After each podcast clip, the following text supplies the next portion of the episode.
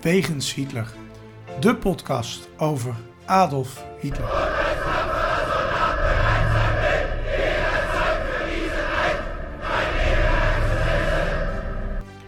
Dictator, alleenheerser van 1933 tot 1945. Een man met miljoenen doden op zijn geweten. Das war ein Befehl! Der Angriff Steiners war ein Befehl! Een man waar ongelooflijk veel verhalen over te vertellen zijn. Ook al die jaren na zijn dood. Adolf Hitler heute Nachmittag in seinem Befehlsstand in der Reichskanzlei bis zum letzten Atemzuge gegen den Bolschewismus kämpfen für Deutschland gefallen ist. In deze podcast gaan Sjoerd en Niels van Andel de wegen van Hitler af. Ze kijken naar bijzondere plekken, naar vroeger, naar nu. En ontdekken samen met de luisteraar het bijzondere verhaal van de Führer van Nazi Duitsland. Een nieuwe week, een nieuwe wegens Hitler. En in onze ja, vakantiespecials komen we nu aan eh, bij de linies in Nederland. Tenminste, ik vond dat leuk om daar wat over te schrijven. Eh, we hebben verschillende plekken. Ehm, en we hebben al het aantal be- besproken natuurlijk, maar we gaan eh, vandaag naar de Grebbelinie. We gaan niet te veel vertellen. Ehm, een bijzonder Grebbeberg trouwens, dat is hier vlakbij waar wij opnemen. We kijken er eigenlijk bijna op.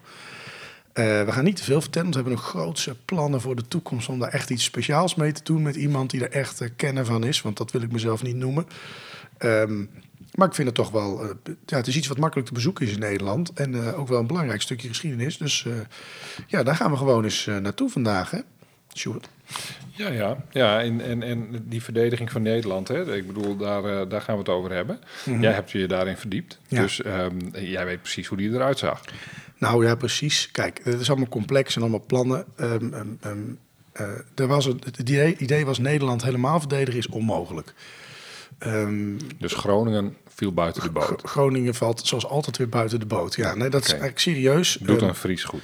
Doet de Fries Ja, Friesland werd ook gewoon opgegeven meteen. Hè? Dus dat, dat is dan wel weer een beetje triest. Oh ja, we werden pas bij de, ja. bij de, bij de dijk. Werd, uh, ja, werd pas teruggevochten. Gewoon zand. Ja. ja. Dus uh, Nederland werd als het ware opgedeeld in uh, verschillende verdedigingsgebieden. Uh, vooraan bij Zwolle en langs Nijmegen en Venlo en zo lagen een aantal stellingen. De Maaslinie langs de Maas, de IJssellinie langs de IJssel en de Betuwe-stelling. Die ligt hier nou ja, nabij in die zin.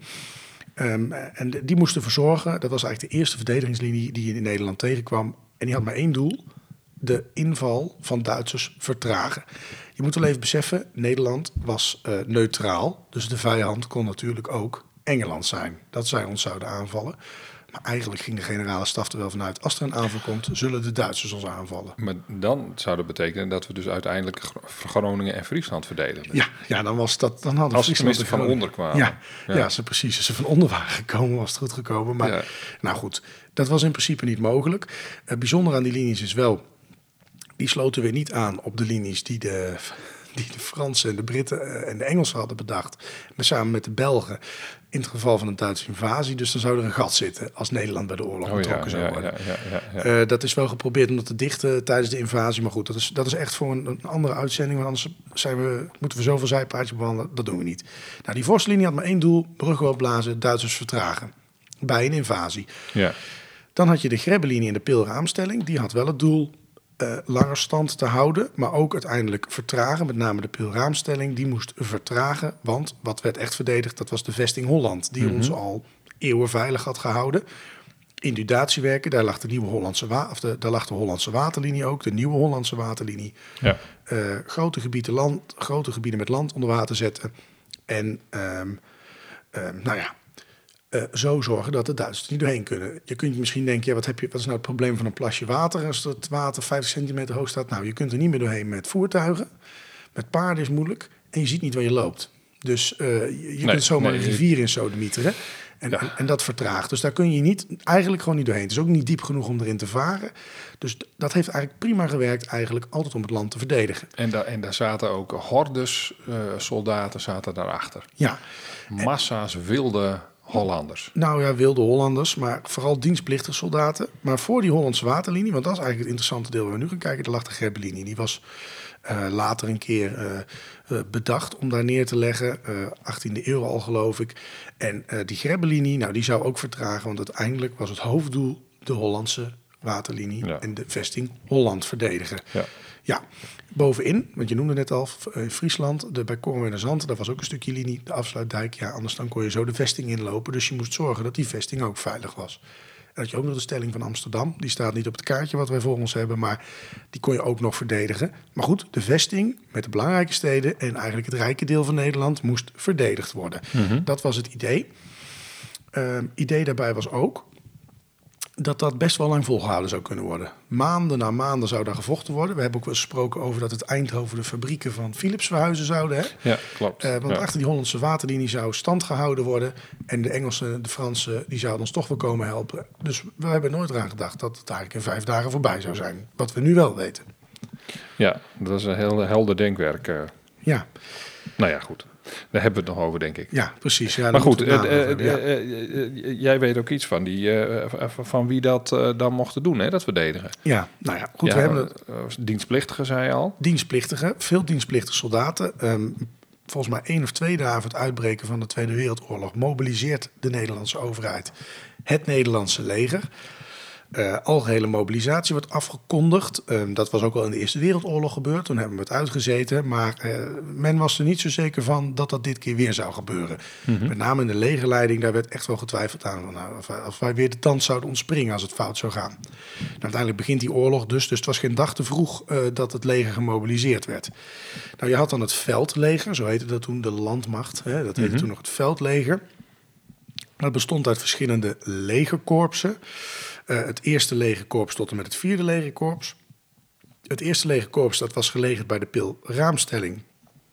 Samen met de lichte divisie. En dan moet je denken waarom een lichte divisie. Uh, hadden die minder wapens? Nee, die waren gemotoriseerd. Dus die konden heel snel handelen. Dat was Mhm. mm -hmm. onze bijna panzereenheid, zou je moeten zeggen. Uh, die die blitz, die snel ergens naartoe moesten kunnen gaan, in kunnen grijpen, doorbraken kunnen wegwerken, dat soort zaken.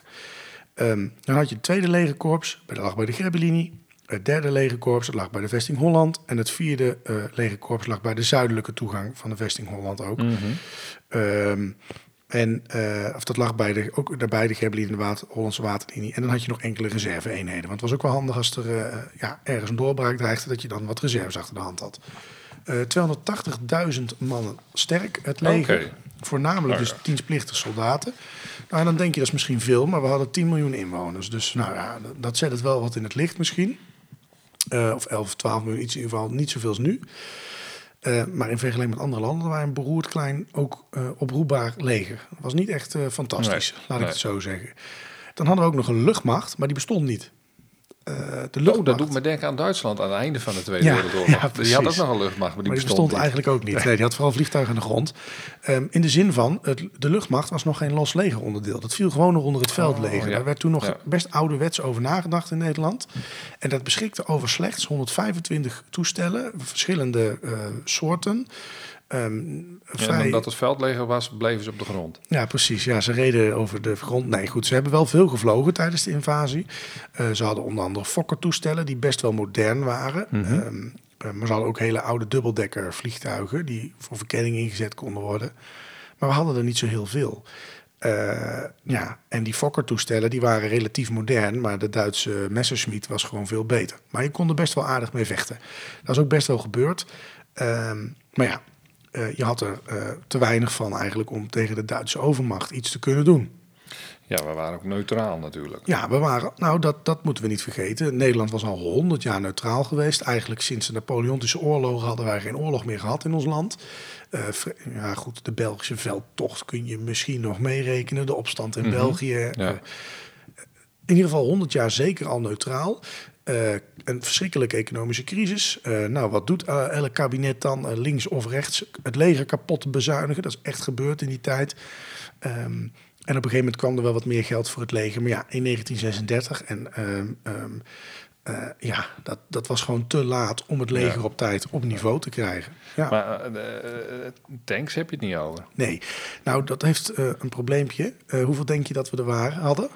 Nou, eh, ik zit even aan nu te denken. Dat, dat, nou, dat, ik gok dat we er nu eh, zo'n 50 hebben of zo. Nee, Ja. eh, weet ik veel. Nou, we hadden er toen meer dan nu. Want nu hebben we de nul in Nederland, tanks. We hebben geen tanks meer. we hebben we helemaal niks. Ja. We hadden er toen maar liefst één. Eén. Ja, Ja, die was voor de prins dan. die was voor de prins. Ja, precies. Ehm, de grap, de grap, een beetje cynisch grapje. Die tanks die hadden we wel besteld bij de Duitsers. Oh, die en die zijn zelf vreemd genoeg. Nee, die zijn vreemd genoeg nooit gele- Ja, die kwamen Oh. wel. Die kwamen ze brengen op een gegeven Ja, moment. ja, precies. Ehm, er waren wel wat panzervoertuigen. Eh, dat kun je ook wel een beetje tanks noemen. Ehm, maar er was ook geen vetpot. Er was een, eh, wel een divisie die er wat had. Eh, en er waren een stuk of vier moderne DAF-panzervoertuigen. Ehm, maar ja, goed. Die hebben wel ergens gevochten. Die stonden nog in de fabriek in Eindhoven op de dag van de invasie. Die zijn toen als een gek naar de vesting Holland gereden om daar mee te vechten. Mhm. Er schijnt er één via nou ja, een beetje vage bronnen wel gevochten te hebben. En de rest is gewoon in Duitse handen gevallen. En er schijnen er ook enkele van die, die, die DAF's gewoon geproduceerd te zijn nog daarna. En ook aan het Oostfront ingezet te zijn. Er zijn wel foto's waarvan die dingen kapotgeschoten staan. eh, Oh ja. langs de weg. ja, nou ja, dan hebben ze in ieder geval een eh, functie gehad, laat het zo maar zeggen. Ja. Cy- Cynisch. Ja, precies. Eh, de Grebbelinie, hè, daar, daar, daar, daar hadden we het onder andere over. Dat was al een, een bijzondere situatie op de Grebbeberg met name. Ja, dat klopt. Ehm, die Gerbelinie was onderdeel dus van de verdediging van Nederland. Hè, de tweede linie als het ware. Aangelegd in de late 18e eeuw. Als, eh, nou, het vond ik toch wel vervelend dat Utrecht iedere keer bezet kon worden. Hè, dus Ja. dat, er moest Ja. wat verzonnen worden. Eh, zelfde idee, inundaties. En er zaten wat zwakke plekken in. En die zwakke plekken waar het water niet hoog genoeg kon komen. Want het water heeft een nare neiging niet omhoog te stromen. Ehm, ehm, daar, daar zette je forten neer. Of er lag een berg en dan kon je dan een linie aanleggen. Want de rest was toch niet door te gaan. Dus je wist precies waar de vijand naartoe moest. Die linie was er niet al te best aan toe. Het ding was al 100 jaar niet meer gebruikt. eh, wegbezuinigd. Nou, moest weer aangelegd worden. Ja. Dat mochten die dienstplichtige soldaten. Zul je denken, nou die gaan meteen trainen vanaf september. Nee, nee, nee. Die lagen linies aan te leggen. Moesten pang pang roepen en die waren linies aan het graven. Dus die moesten hun eigen linie aanleggen. Ehm, eigenlijk werd pas in 1940 die Grebbelinie de hoofdweerstandslijn. Daar moest eigenlijk de vijand gestopt worden. Ja, ja. Je had eerst generaal Reinders, opperbevelhebber van de landmacht, of het veldleger. Eh, die zei van, nou, eh, we houden de vesting Holland. Eh, die kreeg ruzie met de minister van Defensie. Ik weet niet meer precies waarom, maar hij kreeg ruzie, stapte op en zei, zoek het maar uit met die rotzooi. En toen kregen we generaal Winkelman. En die zei, nou, wij moeten gewoon bij de Grebbelinie stand houden. Alle tijd en middelen zijn nog in een paar maanden gestoken. In die Grebbelinie op niveau krijgen, kazematten bouwen, eh, eh, graven, dat soort zaken. Ehm, om die linie maar op niveau te krijgen. Ja. Ook hier weer cynisch, beveiliging van Likmereet. Er konden gewoon Duitse spotters naartoe als toerist. Ja? En ja. die maakten keurig netjes foto's van hoe die Nederlanders prachtige linies aan het aanleggen waren. En het is geen grapje, dit gebeurde echt. Want was geen, de beveiliging was waardeloos. We waren toch neutraal, het zou toch niet gebeuren. En, en dan komen die Duitsers er echt aan, hè? Niet, niet ja, die, die vooruitgeschoven fotografiërs, maar dan komen ze ook daadwerkelijk met hun leger. En wat gebeurt er dan? Nou, dat, dat is best wel bijzonder. Eh, misschien eerst nog wel even belangrijk te vertellen. Die linie bestond uit drie lijnen. Dat zie je nu vaak ook nog wel. Ehm, een voorpostenlijn, die had eigenlijk alleen maar het doel remmen. Dan had je de, eh, de frontlijn of de hoofdweerstandslijn. En dat je de, de- daar moest eigenlijk echt, daar was het best verdedigd deel. Daar lagen de meeste kazematten, eh, Ja, bunkertjes. eh, dat zijn gewoon bunkers. Wat wij bunkers noemen. Maar een bunker ligt dan weer onder de grond. En een kazemat is boven de grond. Ik heb vandaag nog even Ja. zitten zoeken naar wat het verschil nou eigenlijk was. Ehm, en stel nou dat er eenheden daar doorbraken, had je een stoplijn, daar moest de vijand gestopt worden. En dan moest er een tegenaanval gedaan worden om de frontlijn weer te kunnen bezetten. Nou, die Duitsers die komen. Hè, eh, 10 mei 1940 rijden ze de grens over. Ehm, de IJssellinie doet wat het moet doen, vertraagt. Niet zo lang als gedacht, maar ook weer langer dan de Duitsers hadden gedacht. Bruggen worden opgeblazen, dat leger daar trekt zich terug. En eh, uiteindelijk komt er een strijd op die Grebbeberg. In het begin zitten daar op de Grebbeberg zo'n 6000 Nederlandse verdedigers. Dat loopt op tot 10.000. Dat, dat zijn veldeenheden, maar ook artillerietroepen. Hè. Dat wordt allemaal meegeteld. Ja. Eh, tegen een man of 23.000, waarvan zo'n 6.000 van de, ehm, de Leibstandard der Führer met stoottroepen en zo. En dat hadden die Duitsers bedacht. Je, je moet doorstoten, zo'n linie penetreren, paniek uitzaaien, dan rennen ze wel weg. Hè. Dat was een Ja, beetje Duitse ja, tactiek. ja.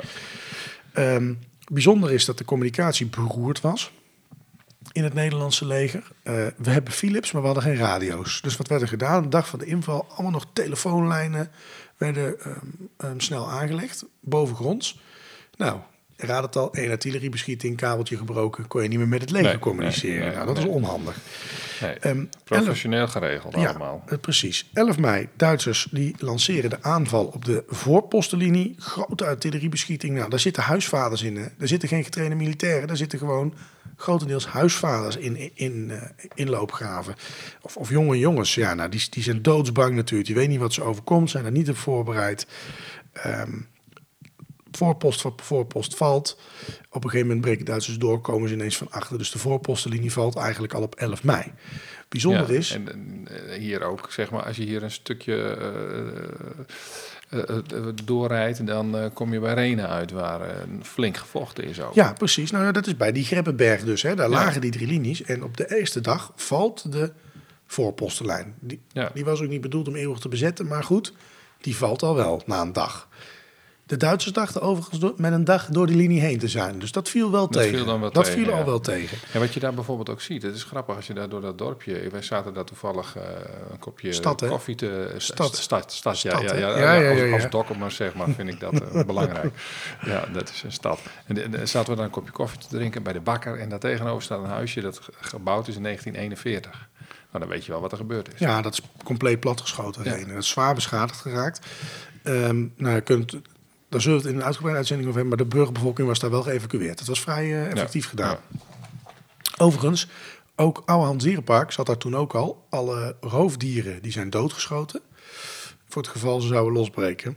Ja, en dat, dat gebeurt tegenwoordig in, de, in, in, Duitsland. hè? Ja, in Het- Berlijn. Het, blijkt een wild zwijn Het te blijkt zijn. een wild te zijn. Maar voor het verhaal laten we het toch maar, maar even zo. Ja, dat is een brief in de leeuw. 12 mei. eh, 12 gaan we mei, ja, sorry, wij blijven te lang hangen. Nou, wederom zware aanvallen, dit keer op de frontlinie.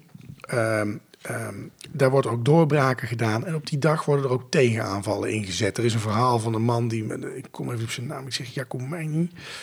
Maar schiet me niet neer, het Ah, beste komt luisteraars, wel als ik het op. verkeerd is. eh, die met zijn klabang, dat is gewoon een zwaard, die kwam met het knil. En die zei, we pakken ze, we gooien ze eruit jongens. Nou is hij erop afgerend. Het was alleen niet zo handig dat er weer niet gecommuniceerd was dat er een tegenaanval van het Nederlandse leger kwam. Dus de Nederlandse soldaten schoten op hun eigen soldaten. Eh, niet handig, maar daar niet alleen bij. Die aanval mislukte. Chaos, niet goed over nagedacht. Geen goede communicatie met artillerie. Want je doet vaak eens artillerie- artilleriebeschieting. Je maakt kapot wat er kapot te maken valt. En dan val je aan. Het is ook best handig. Je weet namelijk waar de Duitsers zitten. Want ze zitten in de linie waar jij net ook zat. Hè? Dus je, je weet precies waar ze moeten schieten. Nou, niet goed gecommuniceerd. Tegenaanval mislukt. En het wordt Hadden ze überhaupt, überhaupt een idee waar ze tegen vochten? De hoeveelheid en de... Nee, maar ja, het Duitse leger leek heel overweldigend. Maar uiteindelijk vallen die aantallen, die verhouding 10.000 tegen 23.000 is helemaal niet slecht. Dat is best wel voltrouwen als je dat goed doet.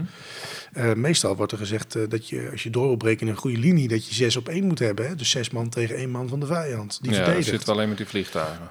De, de, de, de Weermacht had legio vliegtuigen. En er zijn ook wel Nederlandse vliegtuigen gespot hè, die aanvallen uitvoerden. Ook voor die tegenaanval. Dat is een best bijzonder verhaal. Die piloten waren kapot. Hè, die moesten allemaal aanvallen uitvoeren. Mhm. Die zijn toch nog gevraagd, willen jullie nog een aanval, willen een tegenaanval op de Grebbeberg doen. Die zijn toch nog gaan vliegen. Er zijn enkele bommen gevallen. Maar ja, goed, dat was natuurlijk niks vergeleken met wat de Weermacht op de been kon brengen. Een paar dagen later. Nou, het wordt uiteindelijk 13 mei. Eh, de stoplijn is dan het laatste wat over is. De stoplijn is niet een bar eh, bijzonder goede eh, verdedigingslinie. Op een gegeven moment breekt de paniek uit. Er breken wat kleine eenheden van Duitsers door de stoplinie. Die komen bij Renen. Dan krijg je een best wel triest, ja, triest verhaal. Die, die Nederlandse troepen trekken zich terug in paniek. De, de Duitsers zijn doorgebroken. We moeten hier weg, want dat wordt onze dood. Die komen bij de spoor. Ja, dan kun je daar nog naartoe lopen. De spoorwegovergang, zal ik maar even zeggen. Ja, ja. Eh, het viaduct daar bij het spoor. En eh, daar staan Nederlandse marechaussee-troepen onder eh, leiding van volgens mij Gelderman. En nou ja, daar staan, die staan met geweren te richten op hun eigen soldaten. U, pleegt, ja hoe heet dat? Ik kom even niet op het mooie woord. Nou, u, u verraadt uw land, want u volgt geen bevelen op. Er was geen bevel tot terugtrekking gegeven. Uiteindelijk wordt zelfs ook het vuur geopend op eigen troepen. En ehm, ehm, eh, die SS-eenheden komen eraan. En dan vechten die marechaussee-eenheden ook nog tegen. En dan worden die Duitsers nog wel een beetje teruggeduwd. Op dat moment verliest het moreel compleet. Beginnen Ja, troepen zich terug te trekken. is, en is er eh, ja. geen sprake meer van een fatsoenlijke verdediging. Eh, einde van de avond is het duidelijk. Het is over. De Grebbelinie is gevallen. Met als resultaat, als je gaat tellen, hoeveel doden en gewonden heb je dan? Is dat bekend? Ja, ruim 400 Nederlanders en zo'n 250 Duitsers. En dan moet ik heel eerlijk zeggen, ik vind dat, ja, het zijn mensenlevens, maar ik vind dat nog wel meevallen. Als je de andere aantallen van de Tweede Wereldoorlog kent. 1% verlies. Mooi. Ja, ja, ja, ik weet ik eigenlijk niet precies hoeveel dat normaal is. Wat, eh, want eh, tegenwoordig is- zijn het sowieso andere oorlogen natuurlijk. Maar, Nee, eh, tuurlijk, maar nou, goed, een gelukkig is het niet erger geworden, laat het zo zeggen. Nee, ja. Ja, nou ja, het gevolg is wel van deze oorlog. ehm, ehm, Nederland was hier eigenlijk al verslagen. Als je eh, boek hierover leest, dan zie je ook dat die troepen die trekken nog terug. Hè. Op 13 mei, precies weet ik niet hoe die terug teruggaat. Er staat me iets bij van er komt een zware artilleriebombardement van het Nederlandse leger om de de- terugtrekking te dekken. Troepen trekken zich terug op de Hollandse waterlinie, maar die linie was helemaal niet, niet fatsoenlijk aangelegd, want al het geld en tijd was gestopt nog in de Grebbelinie. Ja, ja. Eh, feitelijk was de Hollandse waterlinie niks meer. Bij Rotterdam stond het punt op doorbreken. Het Nederlandse leger, de hoofdweerstandslijn was gebroken. En eigenlijk was het Nederlandse leger hier al verslagen. Een oorlog die ze nooit hadden kunnen winnen natuurlijk. Kunnen we eh, dingen terugzien? Want ik bedoel, daar gaat het ons ook een beetje om. Hè? Ja. Eh, eh, als iemand hier in de buurt zit, niks te doen heeft in een vakantie, Ja, kan nou hij ja, dan bij, doen heeft, hier maar- in de buurt? Nou ja, je kunt. Er zijn loopgraven nagemaakt, die kun je daar bekijken in de bossen. Eh, er is een monument, er is een militair ereveld. Mhm. Ja, dat is bij Renen in de buurt, Ja, bij Renen. Ja, Ja, dan- ja. Als je bij het militair ereveld bent, loop je bijna praktisch tegen die loopgraaf aan. Die is gereconstrueerd. Eh, ik weet even nog niet of dat van die, van die, van die kazenmatten zie je daar Ja, ook die staan, zie je ook zeker staan. Ik moet even schuldig blijven of dat de stoplijn is of de hoofdweerstandslijn. Ik denk dat het de hoofdweerstandslijn is. Het lijkt me logisch om die boven op een berg te leggen namelijk. Eh, maar goed, dat ben ik. Want van hoog naar beneden is altijd makkelijker. Eh, er is een bezoekerscentrum bij het militair ereveld. Dat is gewoon gratis, kun je gewoon in. Ja. Even kijken in het open is. Je kunt ook rondleidingen doen, geloof ik. Er is ook in Veenendaal bij het fort aan de Buursteeg. eh, daar is een, eh, over de hele Grebbelinie Ja. een bezoekerscentrum. Daar ben ik wel eens geweest. Kost een paar euro. Super interessant. Dat is ook leuk om te zien hoe die hele eh, waterlinie eruit ziet. Ja. Hoe die, en daar hebben ze mooie kaarten van en zo. En dan valt er nog wel een andere fort van te bezoeken. Ja, precies. En, Nee, goed. dus dat, is een supergoed eh, interessant. Wat ook misschien nog wel interessant is even om te noemen. De Grebbelinie die is nooit meer voor Nederland gebruikt als verdedigingslinie. Nog wel voor de Duitsers. Daar is ook een boekje over geschreven. De Grebbelinie, eh, maar dan eh, Oh ja, andersom. andersom. Want Ja. de Duitsers die konden hem ook prima gebruiken. Op een gegeven moment was dat stuk van Nederland het enige wat als laatst bevrijd werd. Hè? Alles achter die eh, linies. De rest was eigenlijk al bevrijd. Ja, het is ook de enige heuvel die daar ongeveer ligt in, de, in de regio, zeg maar. Ja, nee, dus de- nou ja, die deden eigenlijk hetzelfde. Ehm, er is ook een interessant boek, De strijd om Nederlands grondgebied. Ik heb dat wel eens gelezen, is alweer tien jaar geleden. Maar ja, nou ja, als je het interessant vindt, moet gewoon lezen. Eh, ik, ik, zou, ik zou toch die, die grebbelinie lekker eh, laten liggen en door het binnenveld gaan. Wat bedoel je? Nou, dat is vlak. Kun je zo doorpompen. Ja, nee, ja, goed. Maar Maar ja, is twee meter breed. ja, ja dat Ben je zo overheen. Maar goed, dat stonden ze allemaal vol. Hè? Want eh, in Veenendaal zou gewoon, door het stadscentrum, zou gewoon water staan. Hè? Op Oh, eh, vijf centimeter. Fantastisch idee. Ja, dat, maar goed, dat is even wat anders, luisteraars. En, ehm, en wat misschien ook interessant is, je zegt, nou, ik ben niet zo van het lezen. Er is ook een serie ten strijde, eh, een paar jaar oud. Daar heeft de NPO, dat doet eh, Jort Kelder met ehm Hagenes, Evert-Jan Hagenes, denk ik dat hij heet. En hij heeft Wie is de Bol gepresenteerd. En ehm, eh, nou, die vertellen ook over die Grebbelinie. Eh, dus ook op YouTube is er wel te van te zien. Eh, zeker aan te raden om te kijken. Ja, de, de- de- toch iets wat ik nog even wil noemen. Er wordt wel eens gezegd, onder andere door de Maarten van Rossum. Ik hoorde hem vandaag nog in zijn podcast zeggen... dat die hele strijd van Nederland zinloos was. Ik vind daar wel wat van, hè? want je kunt wel zeggen, ja, we hadden het nooit kunnen winnen. Maar om nou te zeggen, het we zetten de, de, grensboom open wat Denemarken deed en we geven ons over. Dat, dat zaal had ik zelf nou ja, vreemd gevonden. Ehm, en ik vind dat dat monument het eigenlijk ook wel goed laat zien. Ehm, moet je je zomaar overgeven als een agressor je aanvalt? Het zijn allemaal vragen. Ik vind daar zelf van niet. Maar dat laat ik dan aan de luisteraar. Nou ja, zolang ik niet in het leger zit, vind ik het allemaal prima. Nou, nee, je mag Nee. rustig. Bij, bij mij thuis hebben we er ook wel discussies over. Die hele Russische gebeuren van zo van, nou, ik ga het vaderland echt niet verdedigen. Nou, ik ben de eerste die in de Grebbelinie ligt, bij wijze van spreken. Ja, ja, ja. ja, Eh, dus dat, ja. ik, nee, ik zou het ook niet snel doen. nee, ik denk niet dat jullie nog opgeroepen worden op jullie leeftijd. Nee, maar ik hoef sowieso niet, want ik ben te lang. Je bent te lang, ja, precies. Ze hadden geen uniform voor. Ja, voor, voor altijd ongeschikt. Voor goed ongeschikt. Ik heb dat briefje heb ik nog steeds. Nou, nou ik heb de brief dat ik dienstplichtig soldaat er ook nog ergens liggen. Maar goed, Ehm, die krijg je nog, hè? Ehm, nee, maar ja, goed, weet je, als je, als je zo'n klein land bent en er komt zo'n overmacht aan, dan, mm, ja, dan nou goed, het, laten we heel eerlijk zijn. Nederland zal nooit met een oorlog... Ik denk niet dat Nederland een oorlog zal raken met zijn buren. Als wij een oorlog raken, is het met de meest oostelijke buren die er zo'n beetje zijn voor Europa. En als we dan hier in Nederland de strijd nog moeten keren... dan denk ik dat het wel afgelopen is. Dus Ja, dat, ja. Maar goed, ehm, dat even terzijde. Ik vind dat op de site van de Grebbelinie eigenlijk wel het mooiste. De Grebbeberg eigenlijk, de geslag om de Grebbeberg... eh, een, ehm, een prima stuk erover staat. En dat ga ik gewoon nog even voorlezen. Is een verloren slag automatisch een zinloze slag? Wij menen van niet. Het Derde Rijk verdween niet zomaar. Dat stond als een huis. Het moest steen voor steen gesloopt worden. Veel volkeren en mensen zijn opgestaan en hebben hun steentje daaraan bijgedragen.